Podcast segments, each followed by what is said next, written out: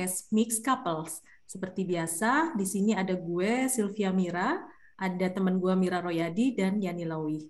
Topik hari ini menarik banget buat gue karena uh, kebetulan kita itu akan ngobrol dengan tamu yang kebetulan juga adalah follower IG podcast Mix Couple. Jadi kita sih sangat berterima kasih ya karena uh, teman kita ini mau berbagi cerita dengan kita siang hari ini. Nah, langsung aja uh, kenalan teman kita hari ini uh, namanya Mutia, seorang perempuan Indonesia yang tinggal di Indonesia dan memiliki pasangan beda bangsa. Mutia sendiri sudah bersama dengan pasangannya selama enam tahun ya Mutia. Dan hari ini kita akan bahas apa nih Mir? Nah, hari ini ya itu dia, kita ingin bahas satu tema yang banyak sekali dibicarakan sebetulnya belakangan ini, yaitu uh, child free sebagai pilihan yang sangat layak dihargai. Nah, ini tuh menarik banget begitu uh, Mutia halo Mut, terima kasih sekali sudah uh, nyolek kita di IG dan bilang aku mau ngomongin tema ini dong gitu ya. Iya betul. Karena karena ini karena ini oke okay banget. Aku pengen banget tahu gitu ya. Salah satu tema yang sangat berbeda karena biasanya kita bicara dengan mereka yang sudah punya anak ya dan kali ini menarik sekali mengetahui apa sih sebetulnya alasan Mutia gitu ya dan partner ini untuk uh, memilih child free gitu. Apa sih yang melatar belakangi keputusan ini Mut? Um, halo, terima kasih sebelumnya udah uh, mengundang. um, jadi kalau dibilang latar belakang, sebetulnya ini bukan latar belakang berdua gitu. Jadi ini adalah keputusan individual. Aku memang dari dulu, dari zaman kuliah tuh emang nggak apa ya. Ketika temen-temen tuh kalau ngomong, ih nanti kalau gue punya anak mau kayak gini ah. Kalau aku tuh nggak pernah, entah kenapa emang nggak pernah kebayang aja gitu. Kayak uh, gimana ya itu nggak pernah nggak nggak aku nggak pernah bisa ngebayangin kalau one day bakal punya anak gitu. Hmm. Jadi pas aku umur 25, teman-teman udah pada nikah, kemudian punya anak, terus aku juga makin ngeliat kayak mereka ngerasa aduh capek, aduh aduh biaya mahal, terutama biaya mahal itu. Dan ketika umur 20-an ya tentunya itu jadi bikin ngerasa aduh enggak ah biayanya mahal nggak bisa jalan-jalan nggak bisa ke sini ke situ tapi uh, kalau sekarang ini sekarang aku umurnya 33 by the way uh, bahkan ketika sebelum aku umur 30-an sih ketika aku 28 tuh malah ngelihatnya bukan sebagai nggak um, mau punya anak tuh bukan sebagai karena pengennya senang-senang aja tapi lebih karena aku ngelihat being a mother is a privilege gitu. Aku ngelihat kalau ibu gimana ya punya anak itu nggak cuma sebatas ngelahirin udah gitu. Aku ngelihat gimana teman-teman aku membentuk anaknya jadi pribadi yang mereka uh, tentunya harapkan gitu ya. Pengen jadi anaknya pintar anaknya baik dan I think it's a huge privilege gitu loh. Dan um, aku nggak ngerasa I deserve that privilege maybe. Atau mungkin bukan nggak deserve that privilege lebih ngerasa kayak uh, itu sebuah tanggung jawab yang sangat-sangat besar. Bertanggung jawab bukan cuma untuk diri sendiri tapi juga ini satu human being lain yang baru. Betul, gitu loh. dan uh, karena didasari dari itu aku memang juga cari pasangan jadi memang yang satu visi gitu loh. Jadi kenapa ini uh, bukan keputusan yang diambil bersama sebenarnya tapi keputusan aku sendiri kemudian mencari orang yang punya visi yang sama mm-hmm. gitu loh. Nah, aku sama pasangan aku itu ketemu di uh, dating apps namanya OkCupid dan di situ oh. tuh sebenarnya kita uh, itu OkCupid bedanya dengan dating apps lain itu sangat thorough uh, um, apa namanya penjelas uh, requirementnya jadi so, uh, ada banyak pertanyaan-pertanyaan yang rata-rata cukup fundamental ya kayak hmm. suka politik nggak uh, kalau suka politik liberal atau lebih konservatif. Nah wow, dan di antara pertanyaan-pertanyaan itu ada di antara pertanyaan-pertanyaan itu ada yang uh, apa pertanyaan uh, mau punya anak atau enggak gitu. Dan itu it, dan aku jadi kesaringnya di situ ya dapatnya juga mm -hmm. yang pas gitu iya benar nah jadi dari situ memang ketemu orang yang satu visi ketemu dengan pasanganku sekarang dan ya udah kita ya jadinya nggak perlu berkompromi apa pun kita memang sudah sudah berangkat dari sendiri sendiri masing-masing mm -hmm. untuk satu tujuan yang sama bahkan sebelum kita ketemu gitu sih istilahnya. Mm -hmm. Iya, iya. Tadi Mutia bilang ini tanggung jawabnya luar biasa besar. Emang benar itu. Hmm. Dan gue sendiri gitu ya uh, setelah punya Noah baru baru menyadari itu gitu berapa bulan setelah punya Noah baru menyadari sama Shannon oh my god ini tanggung jawabnya seumur hidup dan udah nggak bisa dibalikin ya Yan? Ya nggak bisa misalkan kita nggak bisa diando gitu kan. Nggak bisa gitu dan benar jadi kayak ini adalah seseorang yang akan nempel dengan kita sepanjang hidup kita terlepas nanti hubungannya akan seperti apa setelah dia dewasa tapi itu udah jadi kayak satu kesatuan yang lu nggak mungkin lepas gitu. Dan itu baru gue hmm. sadari setelah beberapa bulan punya Noah dan sempat membuat gue oh ya Allah gitu ya ketakutan gitu. Memang jadi bener sih uh, tanggung jawabnya memang luar biasa sih Mut. Uh, kalau aku sih jadinya pengen tahu nih uh, Mut, uh, terus gimana tanggapan keluarga? Teman gitu kan? Eh, itu tadi kan kamu cerita teman-teman tuh udah, udah punya anak gitu ya kan? Uh, kamu open nggak sih sama mereka dan atau mereka tahu? Dan kalau open mereka tanggapannya gimana tuh Mut? Nah, itu balik lagi bener apa ya? Kadang-kadang kita memang harus melihat keputusan kita di umur yang berbeda. Jadi ketika aku umurnya masih 20-an, ini sangat-sangat open ya karena ngerasa wah, gue beda dari orang lain gitu loh. Jadi kayak bilang, aduh enggak deh, gak punya anak uh, apa capek gitu-gitu. Tapi justru kalau sekarang aku lebih nggak ya nggak nggak open ketika orang nggak nanya ya nggak usah cerita gitu um, karena tanggapan orang itu pasti yang pertama adalah oh kamu nggak suka anak-anak gitu. Hmm. Satu sisi emang bener aku tuh bukan tipe apa ya, tahu nggak sih kalau ada orang yang kalau ada anak kecil bisa main-mainin gitu, oh lucu lucu lucu gitu gitu kan. Kalau aku tuh nggak bisa, aku kayak kalau ketemu anak kecil uh, bingung gitu mau ngapain kecuali kalau babies ya, babies is easier gitu loh. Kemarin aku baru ketemu uh, teman aku juga yang bawa bayinya dan aku bisa maksudnya itu baik kayak ngeliatin aku ngajak main gitu bisa gitu. Just, it's not like I hate babies tapi lebih ke bukan instinktif gitu mungkin lebih tepatnya. Dan tapi memang itu kalau tanggapan orang pertama ketika tahu kalau uh, oh nggak mau punya anak berarti nggak suka anak-anak yang pertama. Tanggapan kedua adalah pasti oh maunya seneng-seneng aja nih nggak mau punya tanggung hmm. jawab gitu. Hmm Uh, nah jadi karena hal-hal seperti itu aku sih nggak nggak ngomong-ngomong lagi ya. Jadi kayak kalau ditanya oh uh, belum mau punya anak atau gimana? Oh ya nggak aja dulu. Lagi sibuk kerja nih lagian mahal punya anak sekarang. Lihat di sekolah banget gitu-gitu. Gitu sih. Tapi kalau keluarga gimana mbak? Tahu iya, nggak iya, sih mereka dengan keputusan oh enggak enggak sih dan aku juga enggak terlalu open uh, soal hubunganku ke keluarga gitu kan. Karena ya mereka tipe yang cukup konservatif gitu. Tapi aku memang kadang-kadang jadi uh, kakakku kan udah punya anak satu dan ibu tuh selalu bilang aduh pengen punya satu lagi cucu gitu gitu. Aku bilang aduh lihat deh ini satu aja dia pasti uh, capean mahal. Udah nggak apa-apa kita urus cucu yang satu ini tapi nanti biar sekolahnya yang bagus banget gitu gitu loh. Mm, mm. Tapi memang aku sih secara in general nggak nggak open sih ke keluarga. Hmm, ya, ya. Tapi ada nggak misalkan uh, orang terdekat kamu yang tahu dan berusaha mengubah pandangan kamu akan hal itu? Pernah ada ya. kayak gitu nggak?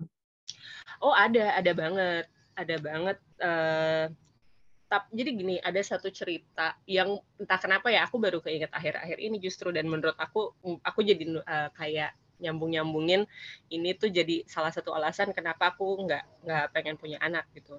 Jadi zaman kuliah aku tuh anaknya clumsy ya, agak-agak ceroboh gitu, suka jatuh dan lain-lain. Zaman kuliah ada temen temen deket yang suka ngomong gini, suka nyeletukin aja, tapi sering gitu. Jadi kayak suka ngomong, wah si Muti sih nggak bakal bisa punya anak, soalnya dia dia aja jalan sendiri jatuh, ntar punya anak anaknya jatuh terus. Waduh. Tapi itu kayak diomongin. itu jadi kayak bawa terus sampai sekarang masih kepikir ya ya uh, dan aku kayak waktu itu kayak dulu zaman kuliah mikirnya lucu-lucu lucu tapi hmm. kalau abis itu di, itu diulang-ulang terus loh kayak setiap ketemu orang hmm. yang punya bawa ada teman bawa baby terus aku kayak uh, temennya mau ngasih ke aku buat gendong nanti temen aku yang satu ini ngomong kayak gitu jadi kayak selalu disebut-sebut terus gitu. Nah uh, terakhir Atali aku ketemu temen yang ini, terus uh, dia bilang, eh belum ini juga, belum mau nikah, belum apa, belum nanti lama loh punya anaknya kelamaan gitu loh jadi tanggapannya justru kayak kayak gitu saya bilang aduh tar dulu deh gitu terus nanti bilang hmm. aduh nanti kelamaan nanti kalau misalnya uh, kamu udah ketuaan anaknya nanti udah tua juga uh, anaknya susah loh uh, ngurus anak pas udah tua hmm. terus nanti uh, kalau udah tua nanti siapa yang ngurusin itu sih yang paling sering ya kalau udah tua nanti siapa yang ngurusin kalau nggak punya anak gitu itu sih biasanya kalau komen yang hmm apa ya Tapi, kayak mengajak untuk hmm. uh, ya uh, aku untuk belok dari visi aku ini. Hmm. Gitu. Tapi kamu ini nggak mood ada perasaan kayak guilty feeling gitu nggak ketika ada orang yang berusaha untuk apa ya namanya meng mengconvince lu gitu, tapi uh, dengan pemikiran mereka. Jadi kayak misalnya tadi kan temen lu bilang Iya ntar kalau nggak punya anak, uh, kalau nggak punya anak sekarang keburu tua atau ntar tambah tua semakin susah lo ngurusnya dan sebagainya. Ada perasaan guilty feeling gitu nggak dengan decision yang Mutia punya saat ini atau dengan visi Mutia saat ini? Uh, enggak sih, justru oh, okay. enggak. Justru itu aku setiap uh, ada orang bilang ke situ, aku kembali lagi ke pemikiran awal bahwa punya anak itu bukan sekedar punya anak gitu, itu tanggung jawab, itu adalah privilege. Sesuatu yang tadi um, dibilang juga nggak bisa diandu gitu loh. Dan aku nggak mau um, merubah keputusan semata-mata cuma karena ada orang yang bilang aduh nanti nyesel loh gitu. Atau nanti ini loh I'll take that chance of regretting in the future kalau aku nggak punya anak daripada aku ngerasa nyesel sekarang nanti punya anak terus nyesel gitu ya nggak sih karena, karena kalau punya anak Uh, ketika punya anak terus nyesel, kita nggak bisa apa-apain anak itu lagi gitu loh. Kita nggak ya, bisa balikin. Uh, uh, itu udah nempel seumur hidup, benar. Pak, uh, partner tuh dari mana sih, Mut? Irlandia Utara. Apakah misalnya hubungan ini juga jadi klop tuh karena memang mereka punya pola pikir yang lebih free atau sudah pernah juga ketemu dengan pria Indonesia yang juga punya pemikiran yang sama nih gitu. Ketemu orang Indonesia yang punya pikiran sama sih sebenarnya kalau pria Indonesia yang pikiran sama sih sebenarnya uh, nggak ketemu secara apa ya actively emang karena kita coba untuk dating enggak tapi lebih karena waktu itu sempat ngobrol-ngobrol sama temen terus aku bilang jadi temen nanya kenapa sih pengennya sama bule? Gitu. Aku bilang karena kalau karena aku nggak pengen punya anak dan itu easier to find in foreigner gitu loh. Uh, terus ah enggak. Ah orang Indonesia juga ada kok yang kayak gitu. Teman aku ini bilang gitu. Terus aku bilang oh, iya sih tapi mertuanya. Gimana? Gitu kan ya, jadi besar ya. Ya gitu. ya. sementara ya. dengan mindsetnya kalau foreigner ini kan mereka ya keputusan dia keluarganya nggak perlu dia nggak nggak keluarganya dia nggak ngerasa perlu ikut campur gitu loh. Jadi kayak dia dan pasanganku sendiri ini dia bilang dia udah punya keputusan ini dari dia umur lima tahun gitu. Jadi kayak, biasa. Jadi kayak emang uh, ya bisa dibilang mungkin ya. Dan aku memang sebelum ketemu pasanganku ini ketemu beberapa uh, orang lain ketika dating dan mereka rata-rata ya memang sama pemikirannya. Tuh balik lagi karena nggak ada tuntutan dari keluarga kalau nggak dari keluarga dari tetangga itu kan harus uh, aduh itu kok Social anaknya belum ya. belum punya anak sih sampai sekarang gitu gitu kenapa sih mandul ya gitu gituin kan terus kamu nih setelah enam tahun uh, apa hmm. sih hal positif yang dirasakan hmm. uh, kalau hal positif sih mungkin yang paling um, terasa adalah sangat mudah untuk membuat suatu keputusan besar itu uh, kita uh, cukup mudah gitu karena hanya kita berdua nih faktornya kalau punya anak kan pasti kalau misalnya kita mau pindah apartemen aja kita pasti mikir oh kita harus pindah yang dekat sekolah atau dekat area sekolah dan lain-lain. Uh, apalagi kalau misalnya punya plan untuk pindah negara gitu kan pasti jadi mikir wah nanti kalau di negara lain dia kayak gimana ya? Gitu ya. Jadi kita sangat mudah untuk membuat keputusan oh oke okay, besok kita ke sini gitu. Besok kita uh, uh, pindah dari Jakarta Pusat ke Jakarta Selatan aja itu sangat-sangat mudah karena ya yang faktornya hanya kita berdua gitu loh. Um, kalau hal-hal lain sih aku nggak uh, misalnya kayak mungkin kalau orang lain mikirnya oh enak ya kalau mau traveling gampang dan lain-lain. Tapi aku juga lihat kok banyak uh, orang tua orang tua lain di luar sana yang punya anak dan mudah juga traveling gitu loh. Jadi aku nggak merasa itu satu hal positif yang berbeda. Um, ketika nggak memiliki anak ini mood gitu, ada nggak sih kepikiran nih hal negatif yang pernah tersirat gitu? Apa ya kalau dari kebanyakan itu ya kebanyakan komen negatifnya adalah jadi eh, nanti kalau udah tua nggak ada yang ngurusin loh gitu. Nanti kalau udah tua sendiri meninggal sendiri mau. Kayak gitu. Itu uh, sorry to say gimana ya itu justru justru push aku semakin yakin sama keputusan aku karena aku nggak mau kalau punya anak mereka jadi asuransi hidupku gitu loh. Ya anak itu kan bukan penjamin hidup kita di masa tua gitu. Of, ya pastilah mereka akan merawat kita gitu kan. Tapi aku nggak mau jadi kayak mereka tempat mereka satu-satunya bergantung gitu dan ya menurut aku kalau nanti tua sendiri ya ya kenapa gitu gak ada gak ada masalah gitu toh ya ke panti um, jompo aja ya mut ya iya maksudnya kita justru justru itu loh aku aku nggak ngerasa ya aku, this is mungkin ini suatu kalau di Indonesia wah panti jompo itu apa? Tapi kalau aku lihat kalau di luar negeri panti jompo itu something fun. Ya orang tua itu mereka ngumpul sama orang-orang seumurnya dia.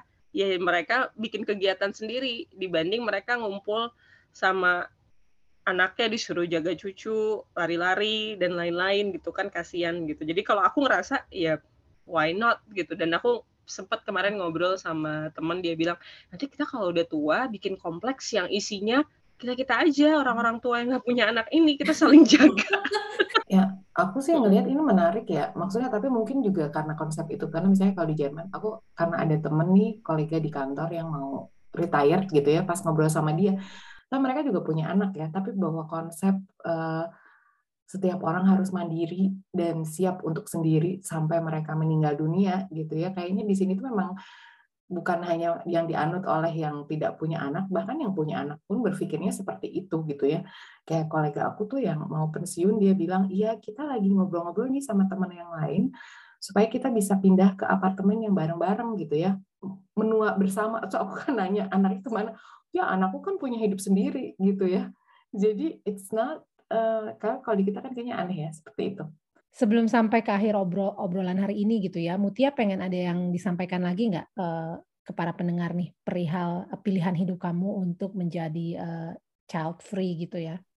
Hmm. Uh, kalau aku sih bukan uh, cuma soal pilihan hidup di uh, isu child free ini ya, tapi semua pilihan hidup inilah pentingnya ketika aku mungkin untuk remind aja untuk uh, pendengarnya kalau misalnya mau cari pasangan baik itu pasangan lokal maupun uh, uh, uh, non lokal pastikan punya visi fundamental yang sama karena itu sangat penting.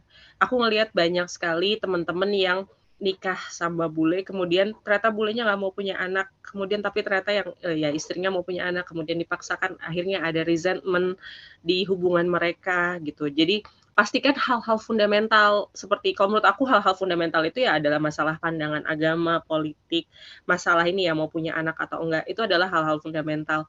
Jadi pastikan semua prinsip-prinsip dasar yang kamu punya sebagai individu itu match dengan orang yang kamu pilih untuk jadi pasangan kamu gitu. Karena kalau enggak pasti akan ada masalah nanti di dan ini suatu yang deal breaker gitu ketika nanti ada jadi masalah di masa depan jadi sesuatu yang deal breaker dan nggak enak kan udah bertahun-tahun kemudian ternyata atau mungkin masalah eh, atau mungkin ketika udah menikah oh ternyata dia nggak mau punya anak gitu.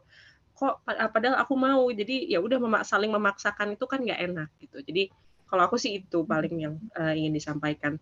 Jadi ya, uh, demikian kali ya bahasan episode kita kali ini jadi kalau misalnya ada teman-teman yang pengen ngobrol-ngobrol kayak Mutia uh, barengan sama kita di sini, boleh banget bisa kirim ke email mixcouples.id@gmail.com atau bisa DM ke Instagram kita @mixcouples.id. Oke, okay, thank you Mut buat uh, cerita-ceritanya hari ini kasih, terima kasih sudah hadir. Ya, Mutia ya, awet-awet yes. sama uh, Akang dari ya. terima kasih, sehat-sehat ya semuanya. Sama, sehat-sehat ya, take care.